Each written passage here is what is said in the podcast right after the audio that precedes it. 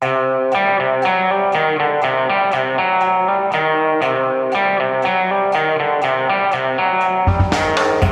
Biden slo hardt tilbake i premiervalget i South Carolina, og mannen med det umulige etternavnet trakk seg for, før morgendagens supertirsdag. Og har trumpismen fått sin norske avlegger i Oslo? Det her er Gjever-gjengen den 2. mars, der vi også skal snakke om noe så spennende som den norske tingrettsstrukturen. Men først, god morgen, eh, Anders Giæver i Brooklyn, New York. Hjertelig god morgen, eh, Hans Petter Sjøli i Akersgata. Sleepy Joe har våkna.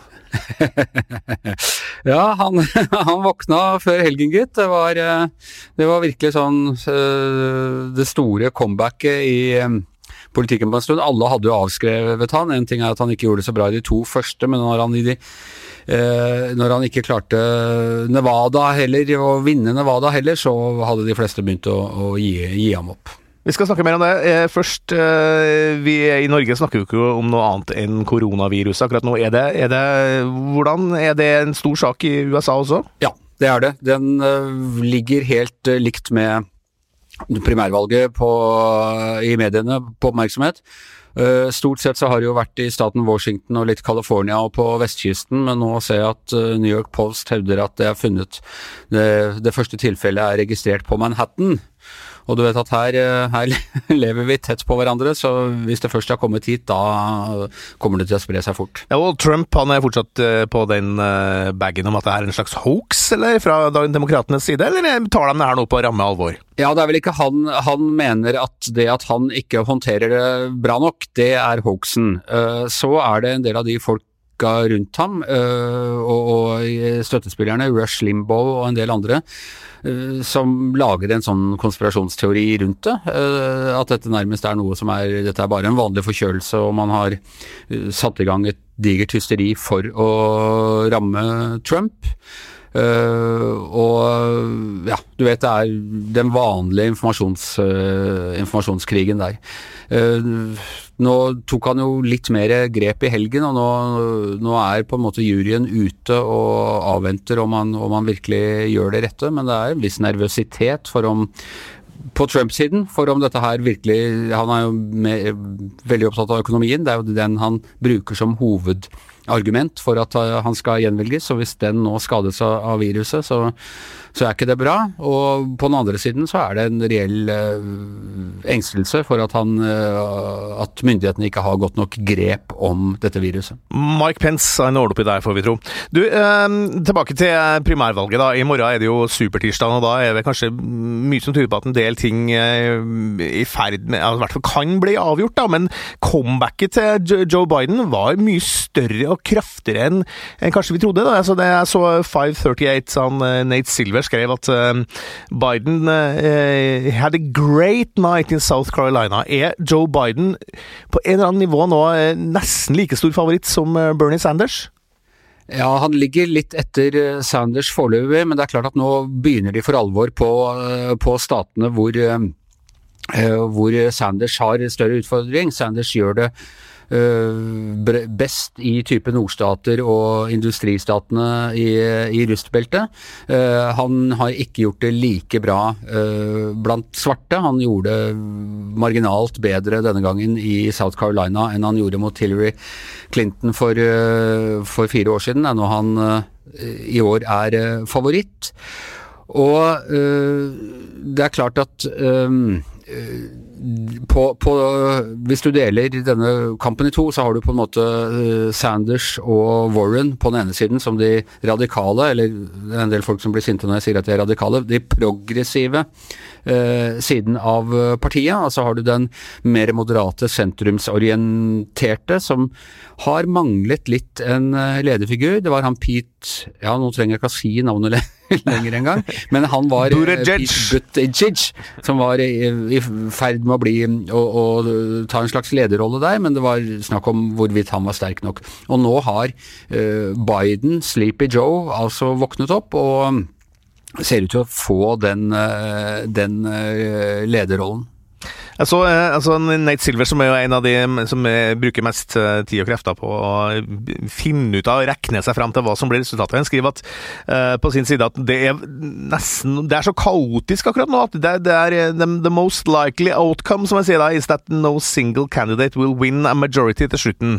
Altså, Kan man ende opp her med at det ikke blir avgjort når det er, når det er ferdig med primærvalgene? Ja, altså Én vil jo få flest stemmer, men det er ikke sikkert at noen får over uh, halvparten av stemmene. Og de har også denne regelen om at du må ha minst 15 eh, ved hvert uh, lokalvalg for, for, å få noen delegater. Og flere av uh, kandidatene ligger liksom og vipper rundt 15% ifølge målingene. Warren, Bloomberg og, disse her. og hvis de havner på over 15, så blir det et større og litt mer kaotisk bilde. Da fordeles delegatene på, på langt flere kandidater, og da er det vanskeligere å kåre en tydelig vinner. Så har jo demokratene laget masse sånne regler, vet ikke om du husker fra 2008. Så disse superdelegatene eh, som, har, som liksom skulle ordne opp i hvis, hvis, det ble kaos, så har de noen sånne hva skal jeg si, partier, gamle, trofaste, mektige partifolk som liksom skulle ha mye tyngre Eh, stemmer enn de andre. Disse gikk jo opprinnelig for Hillary Clinton i 2008, og så begynte de å snu etter hvert til Barack Obama. Det var mye bråk rundt dette her, og det, det er mulig at du kan få en lignende situasjon i år. Kom jo nyheten da om at uh, Pete Buttigieg, da, det navnet som alle sammen syns er så vanskelig å si, at han uh, trakk seg da uh, etter resultatet i South Carolina. han har jo en ung person, Buttigieg, han er slutten av 30-åra, homo, åpent homofil. Det, det, må jo sies han rakk jo ikke, nådde jo ikke helt opp, men han har gjort en ganske imponerende kampanje, har han ikke det? Jo, eh, fantastisk. En av de eh, yngste kandidatene noensinne som har kommet så langt. Den første åpne homofile som har kommet så langt. Den første som har gått rett fra bare være ordfører i en temmelig liten by eh, til å nå så langt. Og som du sier, han er altså da 38 år, han kan rekke å stille åtte ganger til til presidentvalg før han er like gammel som, som Trump var første gang han stilte. Så Du hørte, hørte på tilhengerne i natt uh, når han sto der og, og holdt avskjedstalen sin, så drev de og ropte 2024, 2024 helt taktfast. Så vi har neppe hørt det siste fra han. Er avgangen hans en game changer? Eh, ja, det, både, både, Bidens store seier og at han eh, Buttigieg eh, trakk seg, er om ikke game changere, så har de ganske stor uh, innvirkning på uh, Kan ha ganske stor innvirkning på resultatet, kommer litt an på.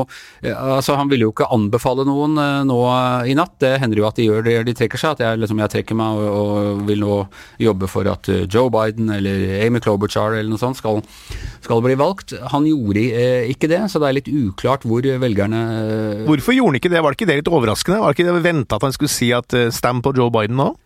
Uh, ja, altså Litt uklart. Det kan også, det kan også bli oppfatta som litt for uh, hva skal man si, autoritært. At du går rett ut og, og nærmest liksom beordrer dine egne velgere til, til, å stemme dette eller hint. Kan hende at han nå vil vente og se til over supertirsdag, la velgerne uh, selv få finne ut. Og, men det kan jo også selvfølgelig hende det er, det er mye såre følelser i sånne valgkamper òg. Kan hende at han er sur for et eller annet og ikke har lyst til å anbefale noen sånn i første omgang. Men etter hvert så blir han nødt til å gjøre det hvis han skal fortsette å ha en karriere i Det demokratiske partiet.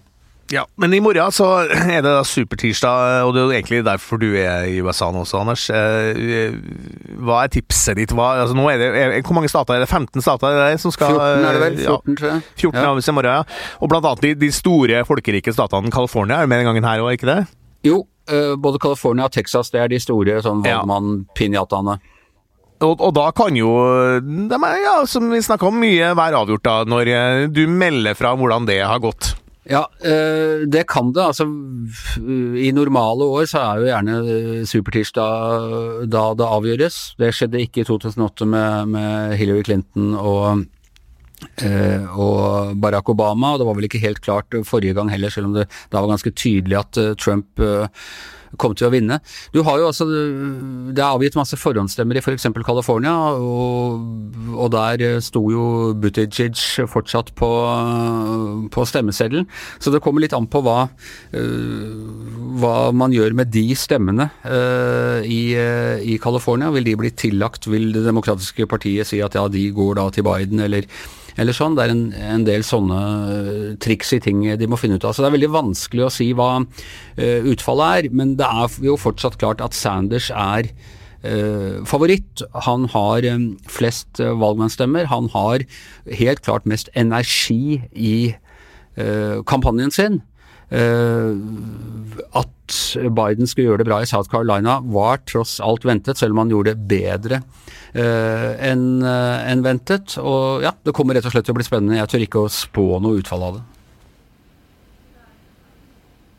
En ting er sikkert, eh, Donald Trump har eh, endra amerikansk eh, høyreside. Og nå forsøker norske trumpister å forandre norsk høyreside.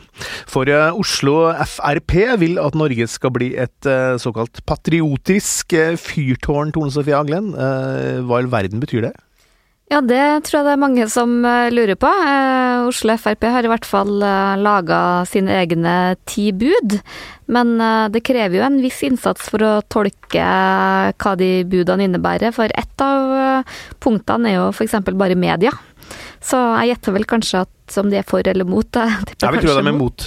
Ja, jeg vil kanskje tippe det, men, eh, men det var jo et forsøk på en litt sånn derre um, Velge en kurs i Oslo Frp i helga.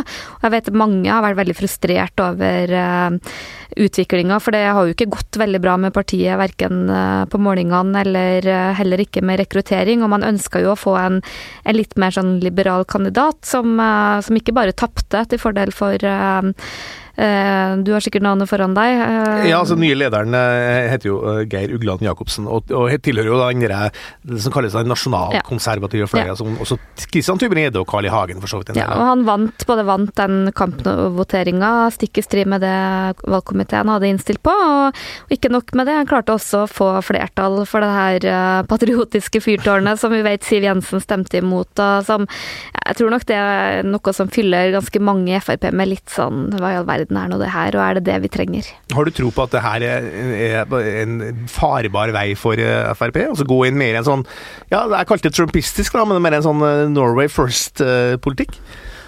Et av de ti budene er jo også, å være veldig veldig kritisk til EØS, og til, også til FN, faktisk. Det er jo en mer nasjonalistisk linje, da.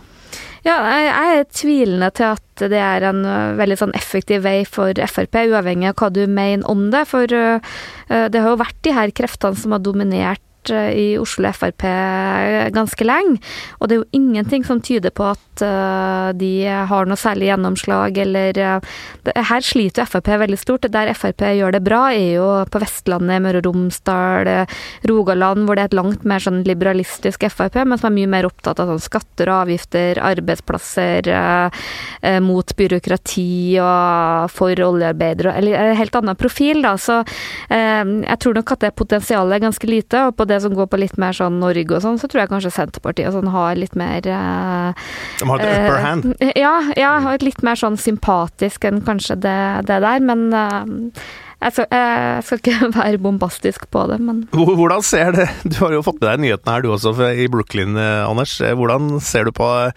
Har Trump sine tilhengere i Norge en sjanse til å gjøre det samme som forbilde i USA? Ja, nå er jo politiske systemet er jo helt annerledes, så de, at de skulle klare å liksom hijacke hele det politiske systemet på samme måte som Trump har klart, det, det, tror jeg ikke. Men jeg husker vi hadde jo Carl I. Hagen i studio, Fridtjof Jacobsen og jeg, for uh, fire år siden, da, da, Trump begynte å ta av. Og da, ingen, da, det var vanskelig å få folk i Norge til å si at de støttet ham. Og da var Hagen veldig fascinert av Trump, og sa at han kjente seg igjen i Trump og forsto Trump, og det tror jeg er riktig. Uh, Hagen har noe av det samme har liksom uh, overlevd på noe av det samme utenforskapet i, uh, i, politikken. Han tilhørte ikke det politiske establishementet. Han, han uh, ble liksom ikke ordentlig tatt på alvor av Høyre, slik Trump ikke ble tatt på alvor av republikanerne. Og det er den nisjen de begge har, har utnyttet. Så må jeg jo si at at uh, Carl I. Hagen er en søyle av forutsigbarhet og, og statsmannskunst sammenlignet med hvordan Trump opptrer.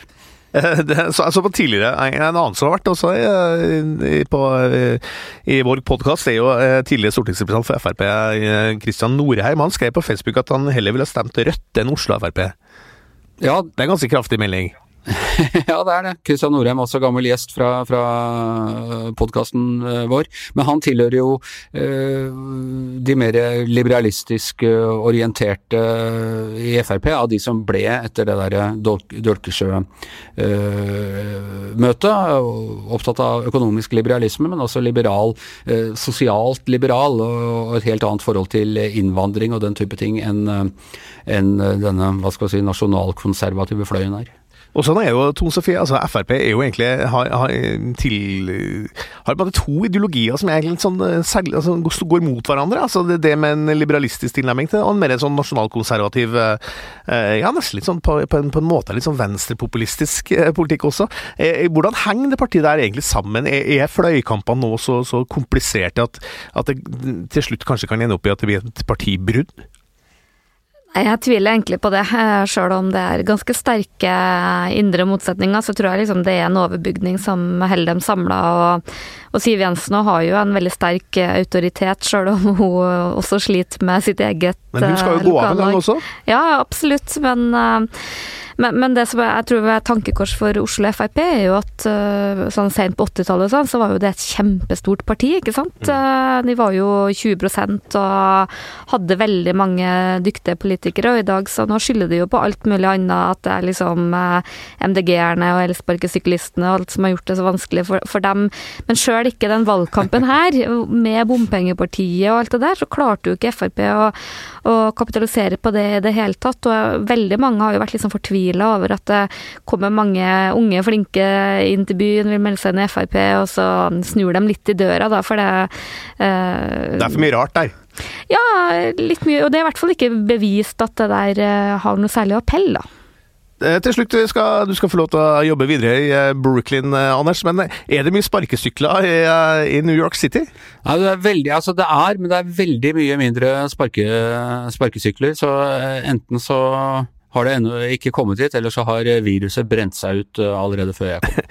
vi hører mer fra deg i morgen, Anders. Eh, vi skal snakke om en litt mer ja, veldig norsk problemstilling, Tom Sofie. Eh, for det er ny uke og nye reformer, og de reformene vil, fra regjeringa vil jo som vanlig rasere Distrikts-Norge. Det er jo det som har blitt fortellinga rundt det som regjeringa har prøvd å gjennomføre. Men nå da, så har det altså Domstolskommisjonen har jo lagt fram et forslag som går ut på å kutte antall tingretter i Norge fra 60 til 22, men sånn blir det ikke.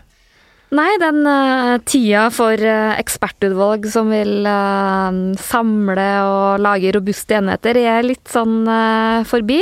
Og vi så jo også det når det utvalget kom, så var mange representanter for regjeringspartiene var ute og sa at dette er ikke vår politikk. Og i dag så kom altså Monica Mæland med distriktsministeren og hele kostebinderiet på slep for å si at det, de ønsker å beholde alle domstolstedene i Norge. Men det skal de, ikke skje en skitt?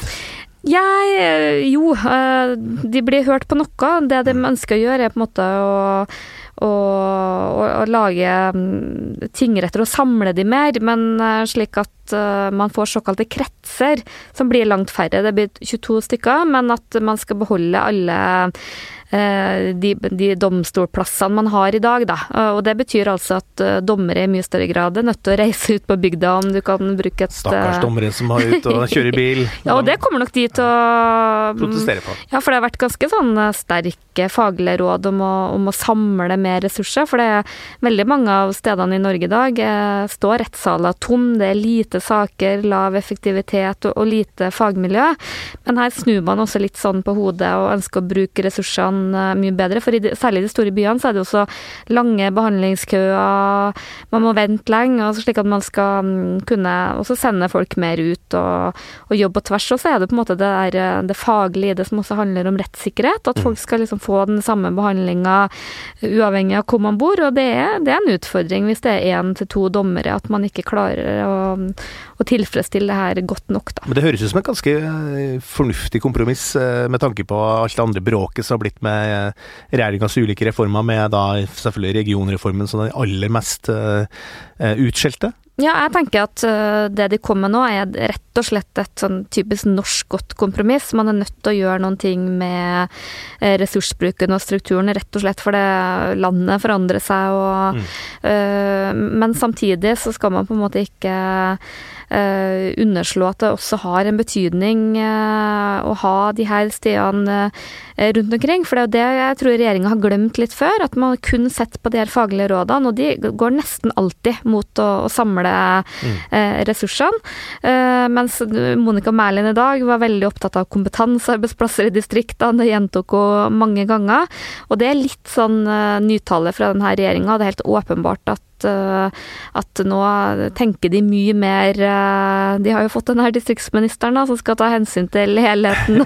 men jeg skjønner, men, men, sa distriktsministeren noen ting på det her? Altså, eller var det Monica Mæland som kjørte showet? Var Linda Helleland uh, frampå og viste at det var hun som, uh, som styrer tenkinga rundt distriktspolitikken i regjeringa? Nei, jeg tror nok at uh, det her er Mæland og regjeringa sjøl, men det blir jo litt sånn derre En slags gallionfigur. For først var jo Linda Helleland med på pressekonferanse sammen med disse ferjefylkene, samme samferdselsministeren, og så var hun med justisministeren og, og la fram uh, den her uh, domstolstrukturen. Uh, så, men, men, at det er en helt åpenbar kursendring i regjeringa, hvor man tenker mye mer på, på helheten og hvilke konsekvenser det får, er åpenbart. Så tror jeg nok at Senterpartiet vil nok fortsatt være kritisk til det her og mene det at at man uh, går ned på sånne 22 kretser, da, som de, det er mye sånn uh, nye ord her som er litt sånn komplisert, men at det på en måte vil være en sånn sniksentralisering, tipper jeg de vil si da. Men jeg, jeg tenker i hvert fall at det her virker som en sånn fornuftig kompromiss.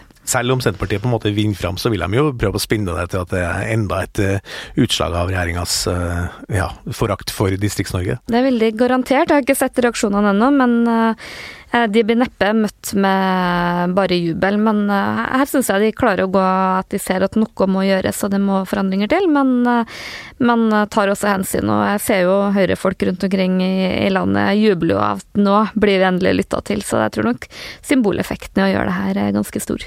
Ros til regjeringa der, altså. På slutten av dagens Gjevri og gjengen. De kommer sikkert til å få mye kritikk ja. både fra fag og fra distrikter. Men, men, det er godt å begynne med litt sånn godvilje, da. I studio i dag altså Tone Sofie Aglen og eh, Hans Petter Sjøli. Og med fra New York City, Anders Giæver. Og eh, en som garantert ikke blir nedlagt, er vår produsent Antonsen. Vi høres i morgen.